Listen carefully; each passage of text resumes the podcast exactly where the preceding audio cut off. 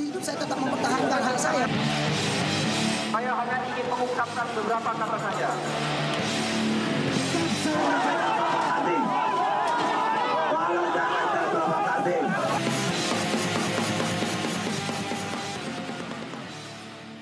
Ya, kembali lagi bersama podcast Kontras episode 3 bersama saya Fatia Maulidianti dari Advokasi Internasional.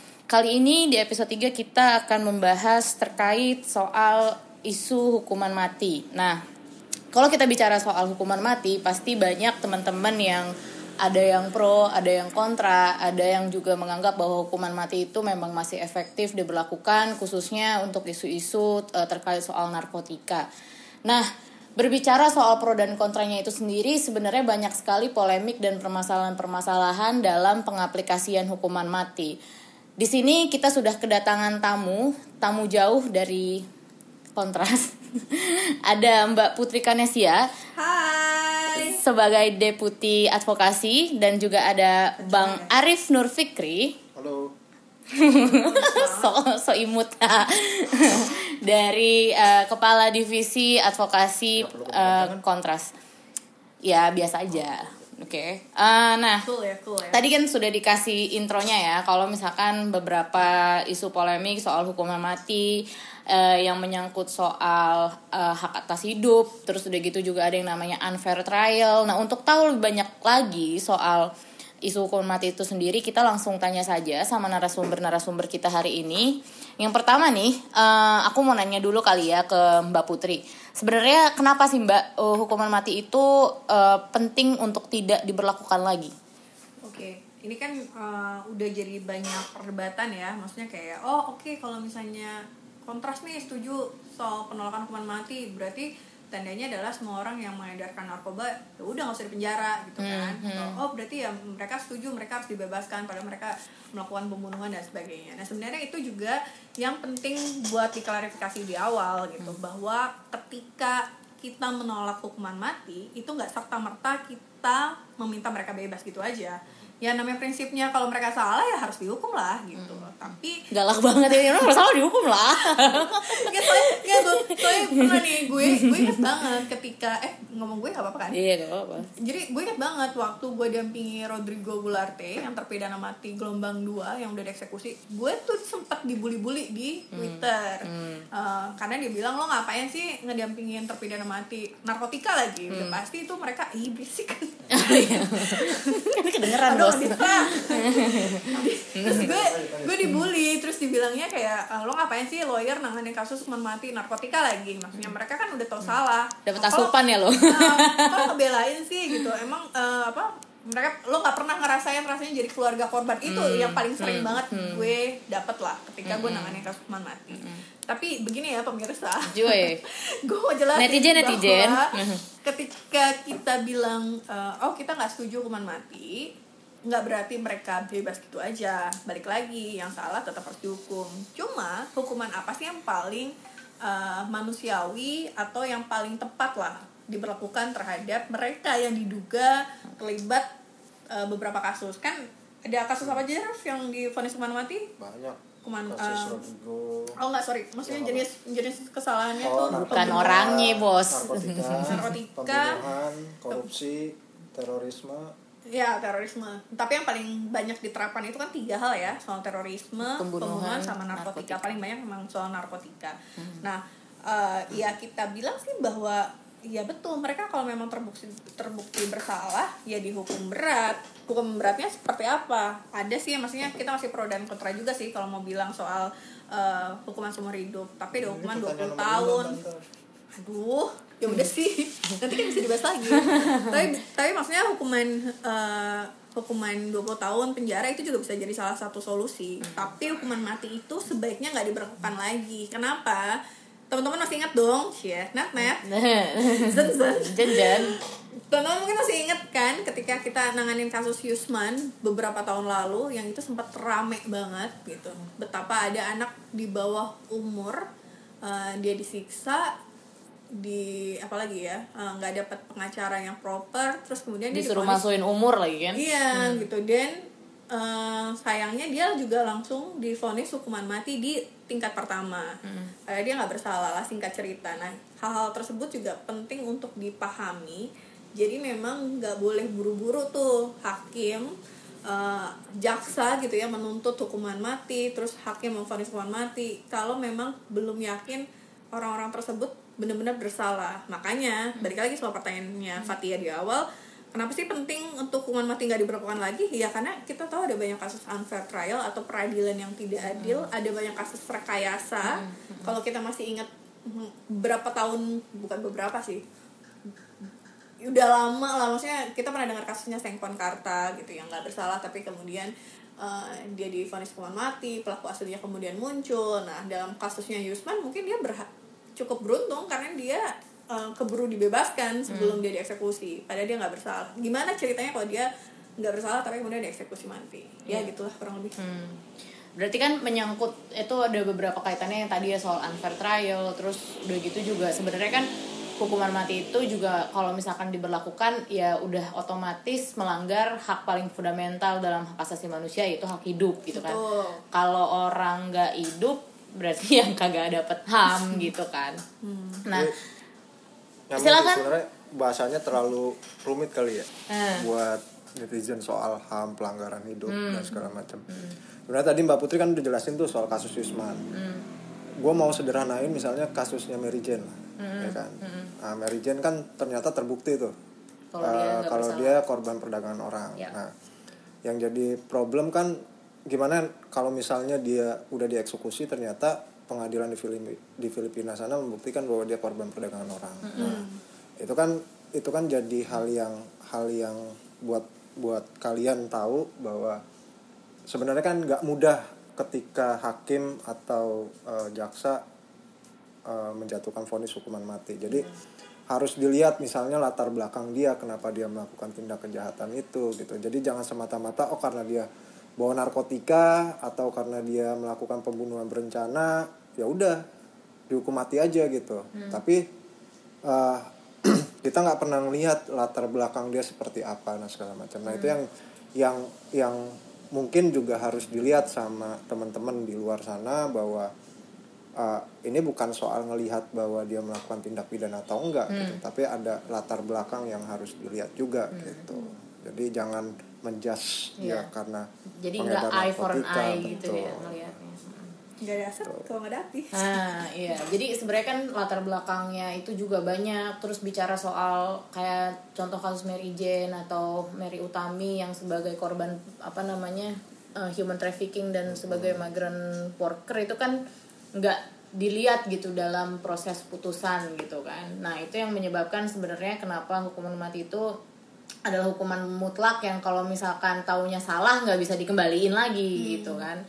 Nah, kita lanjut berarti ya ke pertanyaan yang kedua e, berbicara soal banyaknya e, apa tadi kayak seperti unfair trial terus udah gitu juga tidak melihat latar belakang dari orang ini seperti apa dan lain sebagainya.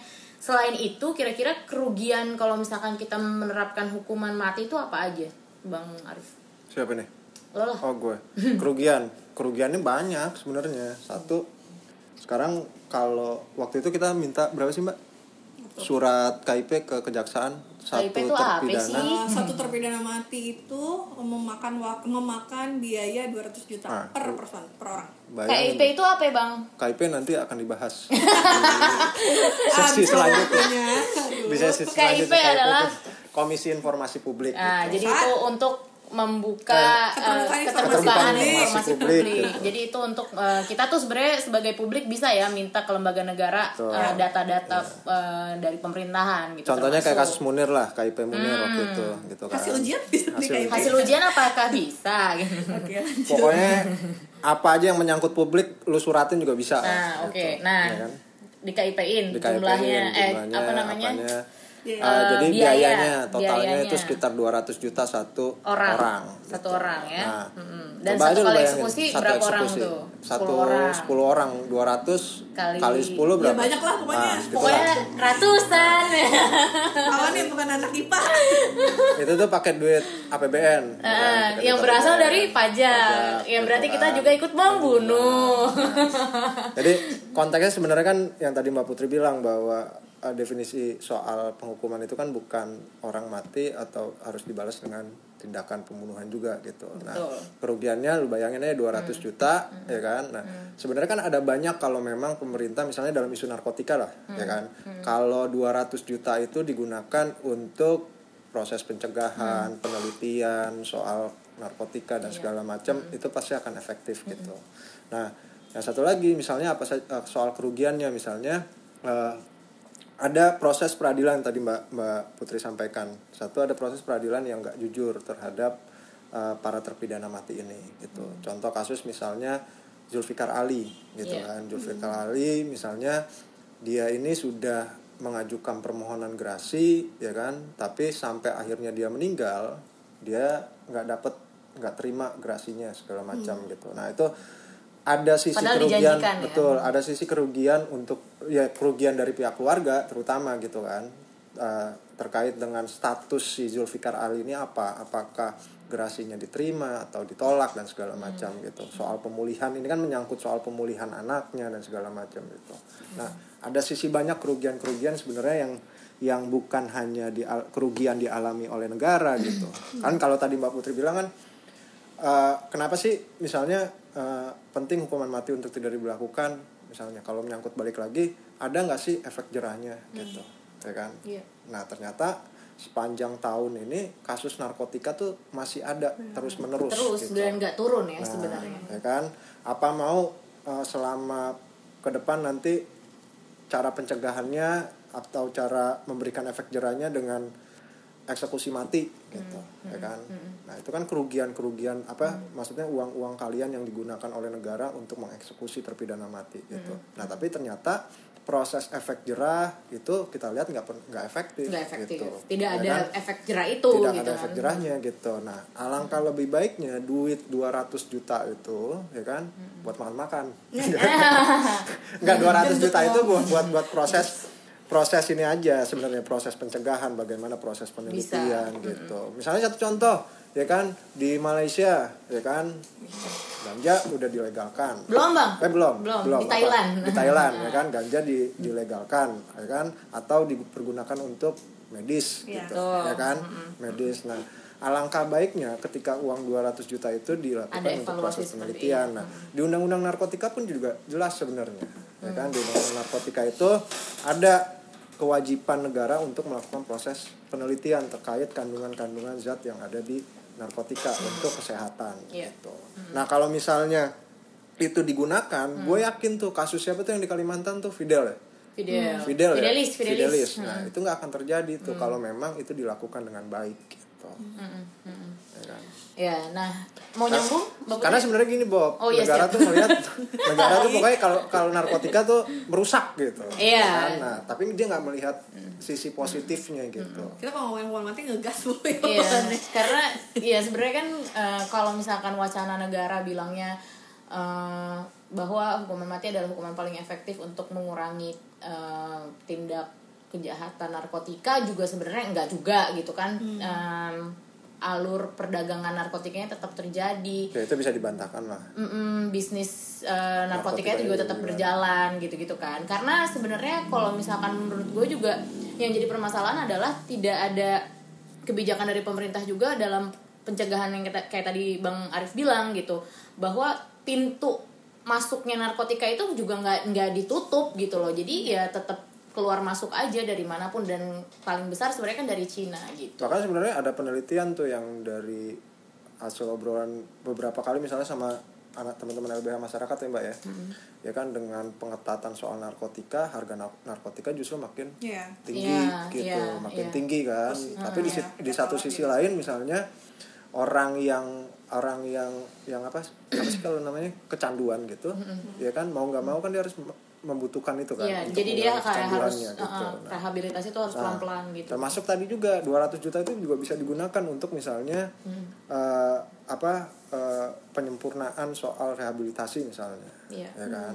Atau sebenarnya eh, lebih deket lagi juga bagaimana revitalisasi lembaga pemasyarakatan juga gitu kan dengan kondisi yang Betul. sangat eh, memprihatinkan tapi orang-orang yang masuk ke dalam penjara semakin banyak. Nah, nanti kita akan masuk ke sana. Cuman sebelum itu eh, gue mau nanya dulu beberapa contoh-contoh kasus yang menurut kalian berdua nih eh, apa ya kayak em, bisa mencerminkan lah bagaimana sebenarnya hukuman mati itu tidak layak untuk diterapkan menyangkut soal misalkan mental issue terus udah gitu juga soal unfair trial tadi ada kasusnya Yusman dan ada kasusnya Mary Jane dan Mary Utami juga gitu selain itu ada nggak sih contoh-contoh kasus lain yang kita eh, bisa menjadi bahan buat kita renungan kalau memang hukuman mati itu tidak efektif gitu apaan Ya contohnya kayak misalnya kasus uh, Ruben Patasambo lah.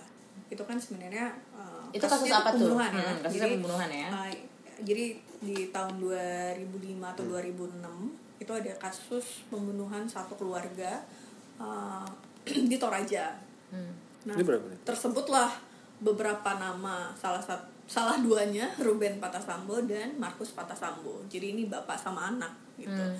Nah, posisinya pada saat peristiwa pembunuhan itu terjadi, dua orang ini nggak ada di lokasi sama sekali nggak ada karena mereka lagi mempersiapkan soal Natal ya waktu itu. Hmm. Tapi tiba-tiba dari dari orang yang pertama kali ditangkap terus kemudian lah kesebutlah nama Ruben Patasambo dan Markus sampai akhirnya orang ini digiring eh, di kepolisian dia disiksa suruh ngaku gitu. Dan waktu itu argumentasi eh apa alasannya kepolisian adalah ya namanya aktor intelektual kan nggak perlu ada pas hari H gitu.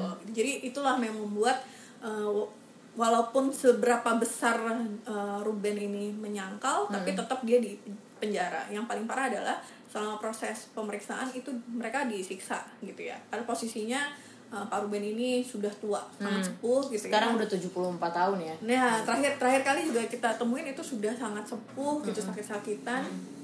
Tapi kemudian eh, yang menarik ya, saya bisa bilang katakanlah kasusnya menarik ya, karena eh, ini upaya hukumnya sudah selesai nih ya, karena dia sudah eh, dihukum mati di pengadilan tinggi juga tetap hukuman mati, MA pada saat kasasi juga hukuman mati, gerasi kemarin ditolak juga gitu. Padahal kita mau bilang ini sudah tua alasan kemanusiaan segala macam, tapi ditolak tanpa alasan yang jelas. Makanya sebenarnya ini eh, kalau dibandingin sama kemarin tuh Yang ada korupsi itu ya. ada eh, eh, terpidana korupsi, terus kemudian diturunin grasinya eh, dengan alasan kemanusiaan karena sudah tua, ya menurut aku ya harus fair juga pemerintah Yap. gitu satu, sorry pemerintah presiden karena grasi itu kan Dari presiden. kewenangannya presiden. Jadi harus jelas juga satu alasan penolakan atau penerimaan grasi itu apa sih? Terus kedua kalau mau adil ya harus diperlakukan untuk semuanya dong gitu. Betul. Apalagi Pak Ruben ini nggak bersalah sama sekali. Hmm. Kenapa kita bisa bilang nggak bersalah? Pada saat dia sudah divonis hukuman mati, pelaku sebenarnya kemudian mengaku mengakui Hmm. bahwa dia disuruh untuk menjebak Pak Ruben dan Iya. Markus ini. Iya. Padahal mereka sama sekali tidak terlibat. Nah, hal-hal itu nggak pernah dimunculkan atau nggak pernah dijadikan pertimbangan juga di persidangan gitu. Pada akhirnya ya, sekalipun sekarang pelakunya ngaku, ya tetap aja gitu. Dua-duanya masih divonis hukuman mati. Nah, menurut aku itu satu kasus di mana nggak fair. Yang lainnya misalnya ya Rodrigo ya secara singkat aku mau bilang bahwa Rodrigo ini warga negara Brazil ditangkap di eh, Tangerang tahun 2006 kurang lebih 2006 juga tapi dia memang drug user Hmm. Gitu dia pergi sama teman-temannya eh, terus kemudian memang bawa drugs bukan untuk dijual gitu. Jadi beda ya selama ini kan kita selalu bilang bahwa orang yang divonis hukuman mati iya mereka karena melakukan peredaran narkoba gitu. Tapi ini memang dia nggak pakai eh nggak nggak bawa untuk dijual gitu. Tapi kemudian eh, dia kemudian divonis eh, hukuman mati sayangnya memang pada saat di persidangan dia nggak dapat pengacara. Ini juga jadi beberapa hal yang menarik dalam kasus hukuman mati yang kita tangani ya. Setidak-tidaknya kita tahu itu pasti selalu banyak tuh celahnya. Satu nggak dapat lawyer kayak kasusnya Yusman. Dua penyiksaan itu udah almost happen di banyak kasus. Terus nggak dapat pengacara nggak dapat penterjemah atau penterjemahnya kayak kasusnya Mary Jane lah. Dia bisanya bahasa Tagalog dikasihnya bahasa Inggris.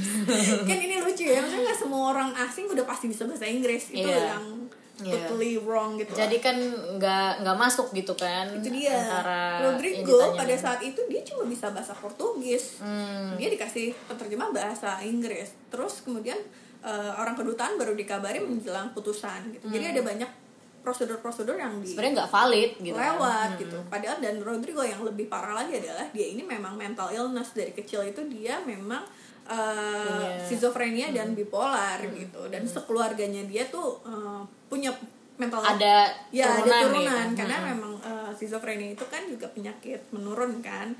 Nah tapi ketika kita bawa uh, bukti bahwa dia mental illness itu tapi nggak di maksudnya nggak dijadikan pertimbangan putusan akhirnya dia tetap dieksekusi. Bahkan gue ingat banget kok pada saat dia mau dieksekusi itu dia masih nggak sadar dia bakalan ditembak gitu gitu. Jadi iya.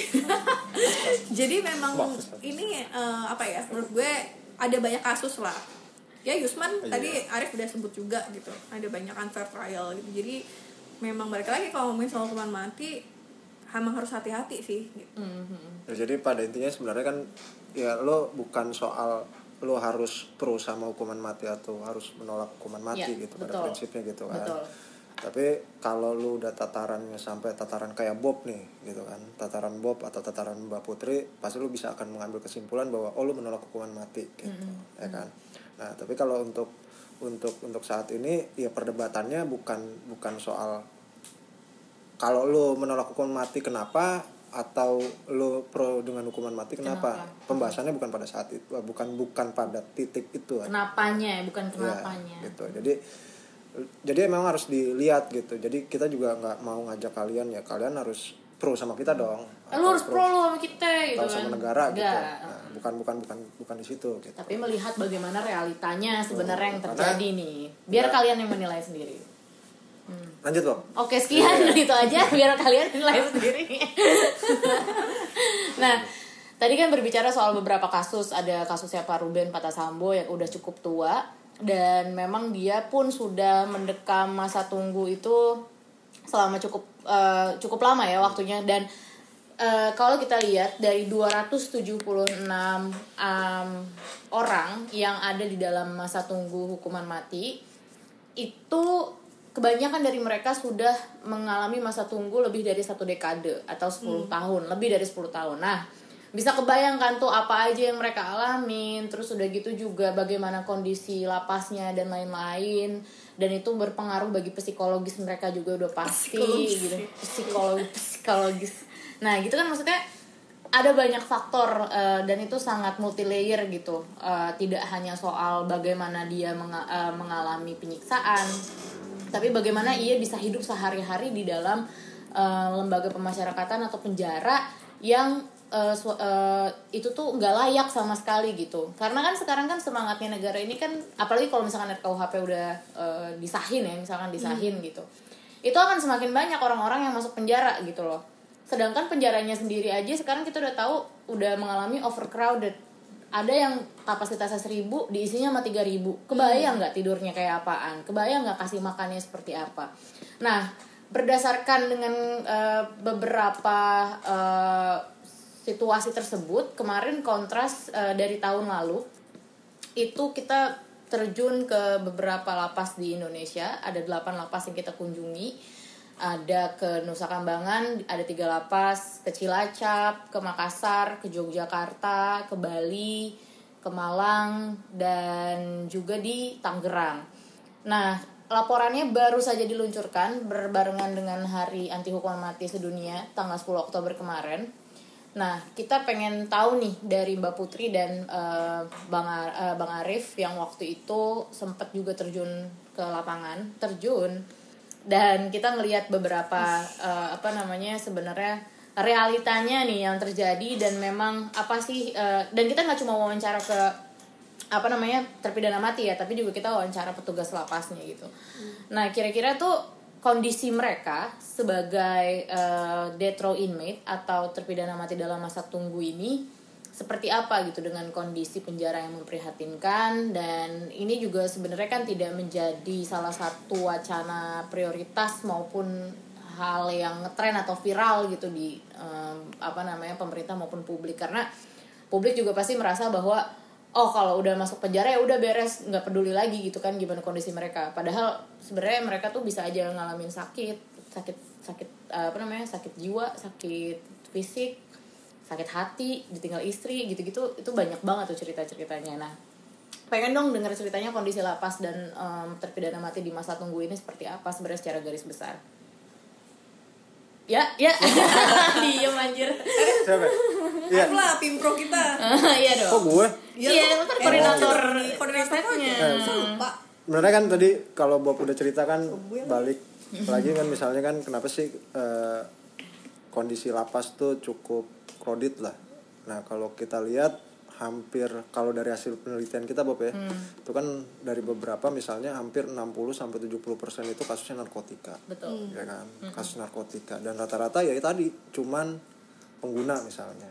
Kebanyakan rata-rata mereka pengguna. Atau korban yang atau bersalah. korban yang nggak bersalah sama sekali gitu.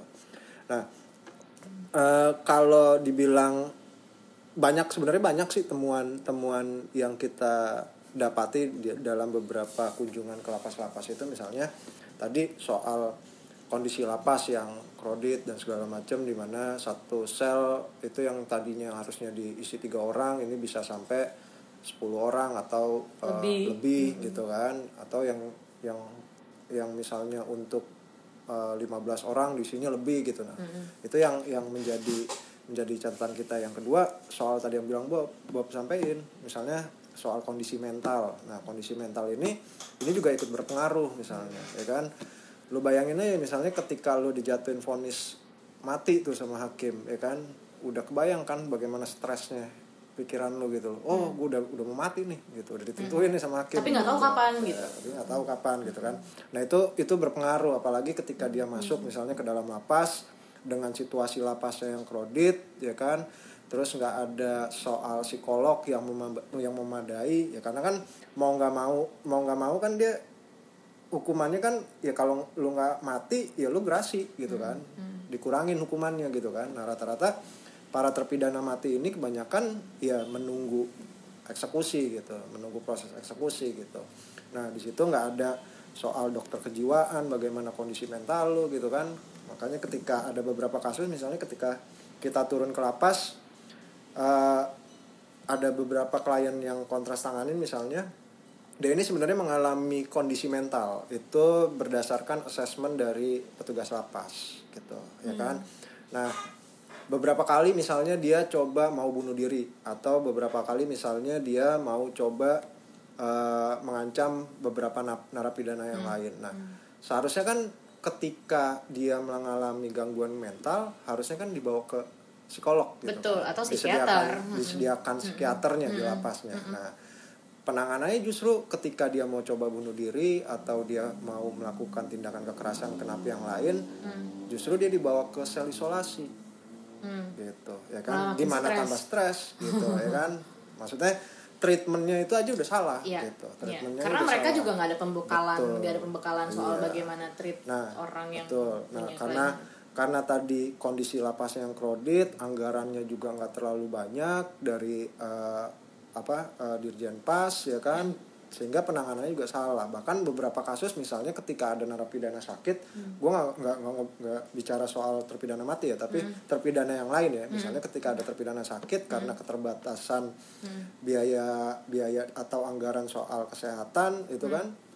Bayangin aja misalnya kalau dia pusing atau apa bodrek itu dibagi dua tuh Aduh, ya kan? dipotek, bos. Setengah-setengah. satu aja belum tentu berhasil iya. itu yang jadi jadi catatan nah makanya konteksnya juga salah ketika misalnya eh, apa semangat kita itu semangat menghukum Iya. orang taruh di lapas di Iya. lapas di lapas nah, tapi nggak pernah dilihat lapasnya bagaimana Iya. kondisi lapasnya bagaimana nah ini yang juga jadi Iya. jadi catatan nah tadi beberapa misalnya selain tadi soal akses kesehatan soal kreditnya eh, lapas akses ke dunia luar juga Susi, Su- susah. susah Apalagi kalau yang di susah, Nusa gitu. ya. apalagi buat terpidana mati gitu kan buat terpidana mati karena si eksekutornya si jaksa eh, jaksa penuntut umum jadi komunikasinya kadang-kadang nggak bisa ke lapas tapi harus ke jaksa dulu baru ke lapas dan segala macam gitu nah pihak-pihak kedutaan juga kadang-kadang Susah. beberapa terpidana mati yang dari dunia luar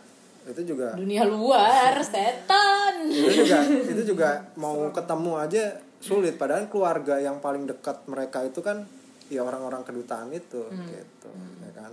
Bayangin tuh gimana problem permasalahannya. Jadi dari proses penyidikan proses peradilannya sampai proses lapasnya itu kan Ribet. yang yang jadi jadi problem gitu ya kan? Mbak Putri mau nah, itu mempengaruhi Oh, sebenarnya. Apalagi sebenarnya kalau ngomongin RKUHP yang sekarang lagi dibahas ramai banget tuh kan karena kemarin ada banyak permasalahan. Akan ada berapa banyak orang lagi masuk penjara gitu. Hmm, beribu-ribu. Ah, ah, bahkan orang waktu itu sempat bilang ya oh kalau kayak gini caranya sih semua orang aja masuk penjara. Iya. unggas kita jalan-jalannya kita kena denda Iya. segala macam kayak gitu lah ibaratnya. Kalau nyawa hotel murah ya. Atau misalnya ya jadi jadi ke mana-mana nih dari mati tapi maksudnya gue mau bilang soal karena kita geser soal isu lapas kan orang juga fokusnya kalau ngomongin soal lapas nggak banyak juga yang fokus sama lapas. Orang fokusnya kalau ngomongin soal peradilan ya udah dari mulai penyelidikan di kepolisian sampai ketok palu di pengadilan Selesai. Habis itu udah gitu. Dari padahal ini nasibnya gimana gitu gitu ya. Makanya mungkin orang juga nggak banyak uh, fokus di soal isu lapas ya. Apalagi kita, kalau kita ngomongin tadi yang Arif bilang soal situasi uh, terpidana mati. Ya kita berharap adalah oke um, penjara adalah supaya efek jerah Ya, gimana caranya mereka mau efek jerah segala macam mereka aja masih menghitung hari misalnya. Iya. belum fasilitas di lapas juga uh, maksudnya untuk di beberapa tempat memprihatinkan. Uh, bahkan kayak ya mungkin kayak Fatia sempat turun terus Arif juga kemarin juga sempat turun kita kita semua sempat turun ke beberapa lapas tahu juga ada terpidana mati yang nggak bisa hanya ruang geraknya hanya terbatas di situ aja gitu. Ya itu juga kan kita jadi kayak seolah uh, lapas jadi kayak tempat untuk uh, ya ya pada akhirnya orang juga nggak berdaya banyaknya kasus bunuh diri dan sebagainya. Karena memang lapas itu tidak dijadikan tempat untuk memang uh, kan tujuannya lapas adalah pem- pemasyarakatan gitu Iya. memasyarakatkan kembali. Harusnya kan membina bukan menghukum gitu kan. Sama kalau misalnya kita uh, geser sedikit misalnya soal uh, akses gitu. Akses makan di lapas juga kan ngeri banget tuh. Sehari itu 15.000 ribu kurang lebih. Gitu bener nggak? 15.000 ribu ya? 17.000 ya sekarang naik ya? 17.000. tujuh belas ribu di Jakarta mau dapat apa? Kalau di Jogja mungkin bisa dapat yang murah gitu. Tapi kalau misalnya lo di Papua atau di uh, Selamat deh. di Medan gitu, mungkin itu agak sulit gitu. Nah itu sebenarnya nggak pernah kepikiran oleh masyarakat kita atau mungkin bukan hanya masyarakat ya, tapi pemerintah juga. Dan kalau ngomongin soal lapas, nggak lagi ngomongin soal terpidana mati, mati aja, tapi ada seluruhnya betul termasuk aparat eh, apa eh, Petugas. petugasnya. Ingat nggak Bob waktu kita ke Malang. Eh, terpidana terpidananya pada saat kita pagi mau eh, apa wawancara itu ada sekitar 3000 berapa lah dari total yang harusnya itu eh, seribuan. cuma seribu. Tapi itu 3000 berarti tiga berapa 300 persen kan Iya. naiknya. Tiga ratus tiga ribuan tiga ribu satu kalau nggak salah. Terus setelah selesai kita uh, wawancara siangnya Nambah. udah nambah empat atau lima orang gitu. Jadi dalam waktu dua jam aja bisa nambah kayak Iya. gitu.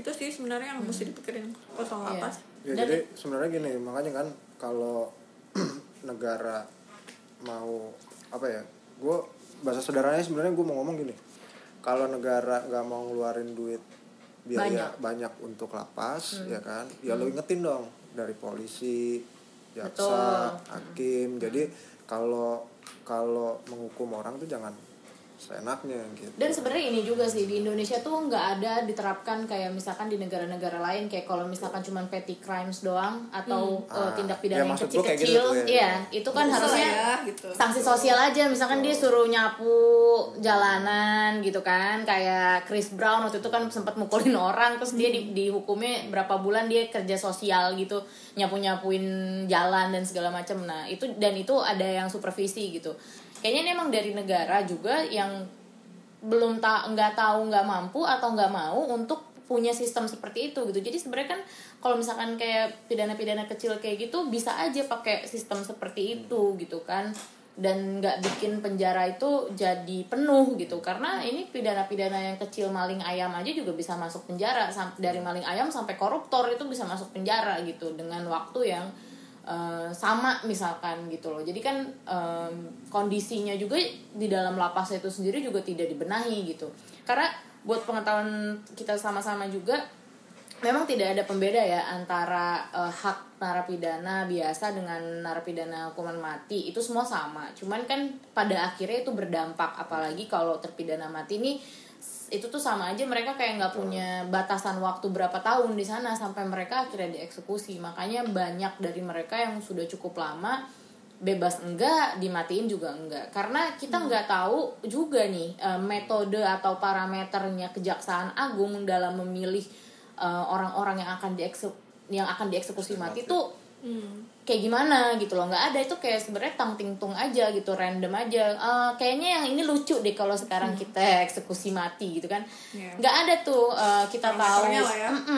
Apa eh, kenapa dia harus dihukum mati atau kenapa dia harus dieksekusi mati pada gelombang ini misalkan. Itu tuh tidak pernah ada dan tidak pernah keluar ke publik gitu. Sebenarnya walaupun kayaknya waktu gelombang gue lupa ya gelombang dua apa gelombang tiga mereka bilang bahwa orang-orang yang akan dieksekusi mati mereka yang udah nggak punya upaya hukum apa pun tapi Ya, kalau cuman kan banyak, lihat yang kalau gelombang tiga itu kayak Humphrey Jefferson Heeh. itu dia masih punya masih pernah mengajukan upaya hukum gerasi Gerasi, iya. Eh, Freddy Budiman juga Sama. masih mengajukan upaya hukum gerasi tapi mereka tetap dieksekusi dan mati. mostly juga sebenarnya belum pada mengajukan gerasi kan dia. kayak Humphrey itu kan lagi mengajukan dan belum belum ada keputusan gitu kan Nah kayak gitu-gitu artinya eh, dalam rangka untuk apa ya kayak penegakan hukum justru aku pikir jaksa agung melakukan pelanggaran hukum. Iya, Gitu. karena tidak ada parameter Yes. dalam pemilihan itu kan gitu loh. ya subjektivitas aja gitu kan Kayak kocok arisan, nama siapa yang keluar itulah yang dieksekusi gitu. Jadi tidak fair dalam pemilihannya itu sendiri gitu. Dan tidak diketahui publik juga gitu. Tiba-tiba Hamin 3 eksekusi atau Hamin 7 jreng keluar namanya oke guys ini ya yang akan dieksekusi gitu.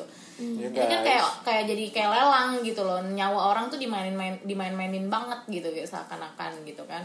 Dan itu gimana nggak bikin apa orang-orang yang jadi terpidana mati ini e, berlipat ganda gitu. Deg-degannya mereka tuh berlipat ganda. Udah nungguin keluar yang nggak ada gerasinya ditolak terus udah gitu juga dimati-matiin juga kagak gitu loh. Jadi kan bertubi-tubi gitu apa yang dia alami gitu. Nah pertanyaan terakhir. Kalau misalkan memang eh, hukuman mati itu tidak efektif untuk diberikan terhadap eh, tindak pidana yang berat kira-kira apa hukuman yang paling ideal untuk menggantikan hukuman mati sebenarnya berkaca misalkan dari negara-negara lain yang mostly udah nggak menerapkan hukuman mati dia karena di aturan kita ya adanya soal hukuman mati ya paling setidaknya untuk untuk mencegah proses terjadinya hukuman mati ya paling seumur hidup itu tuh seumur hidup tuh beda sama 20 tahun atau beda kalau Oke. 20 tahun kan hukuman maksimal gitu Hukuman kan. maksimal Tapi kalau 20 seumur tahun. hidup kan selama jadi selama ketika Umurnya dia, dia ya. diputus itu gitu Sebenarnya sih eh, ada progres yang bisa dibilang lumayan lah ya dilakukan sama pemerintah kita. Not bad, not Ah, bad. Not bad. not bad Coba ya. oke Eh, jadi dia kebijakan eh, ketika kita mendiskusikan soal alternatif punishment atau pemenjaraan eh, apa pidana alternatif untuk terpidana mati. Kalau yang di revisi KUHP sekarang kan sempat ada obrolan bahwa oh ya udah gitu karena 10 nggak mungkin sebenarnya Indonesia atau menghapus masih bukan nggak mungkin masih susah nih ke arah penghapusan gitu. Jadi oke win-win solutionnya yang paling memungkinkan sekarang adalah ya udah kita pakai alternatif punishment eh apa alternatif punishment, Punishment. ya. Jadi mereka eh, yang sudah di penjara nunggu 10 tahun gitu setelah 10 tahun kalau dianggap berkelakuan baik ya itu bisa dipertimbangkan untuk menjadi seumur hidup atau turun menjadi 20 tahun gitu. Nah, tapi ini juga masih debatable selain karena RKUHP-nya belum disahkan dengan sejumlah pro- problematikanya, tapi juga eh, siapa sih yang bisa mengukur mereka berkelakuan baik gitu. Apakah nanti ini malah sistemnya jadi mumpuni nggak? Betul gitu. Dan akuntabel nggak? Peng, Betul. apa, eh, peng- apa penilaiannya? Atau jangan-jangan nanti ini malah jadi ladang baru untuk eh, ya udah deh ngasih sosokan berkelakuan baik. Atau mungkin jadi ajang untuk suap gitu. Iya atau bisa Supaya- juga Oh, apa ikut ikut pramuka Iya, kayak bisa juga sabun, kayak gitu koruptor-koruptor ini kan juga berkelakuan baik gitu loh. Maksudnya dia bisa paling Itu dia. cepet tuh dapet. Nah, eh, ini juga memang penting untuk dipikirkan lagi dan bukan dipikirkan ya, maksudnya didiskusikan lebih lanjut. Walaupun energinya ya setuju lah bahwa sebaiknya ini Hmm. Jadi alternatif. untuk eh, udah saatnya kita untuk nggak lagi ngomongin soal hukuman mati iya atau enggak gitu, tapi oke geser deh gitu. Hmm. Negara juga sejauh ini eh, terakhir setelah eksekusi mati gelombang 3 tahun 2016 itu kan udah secara fak de facto-nya nggak memperlakukan lagi hukuman mati sampai sekarang. Bisa dikatakan secara de facto kita moratorium.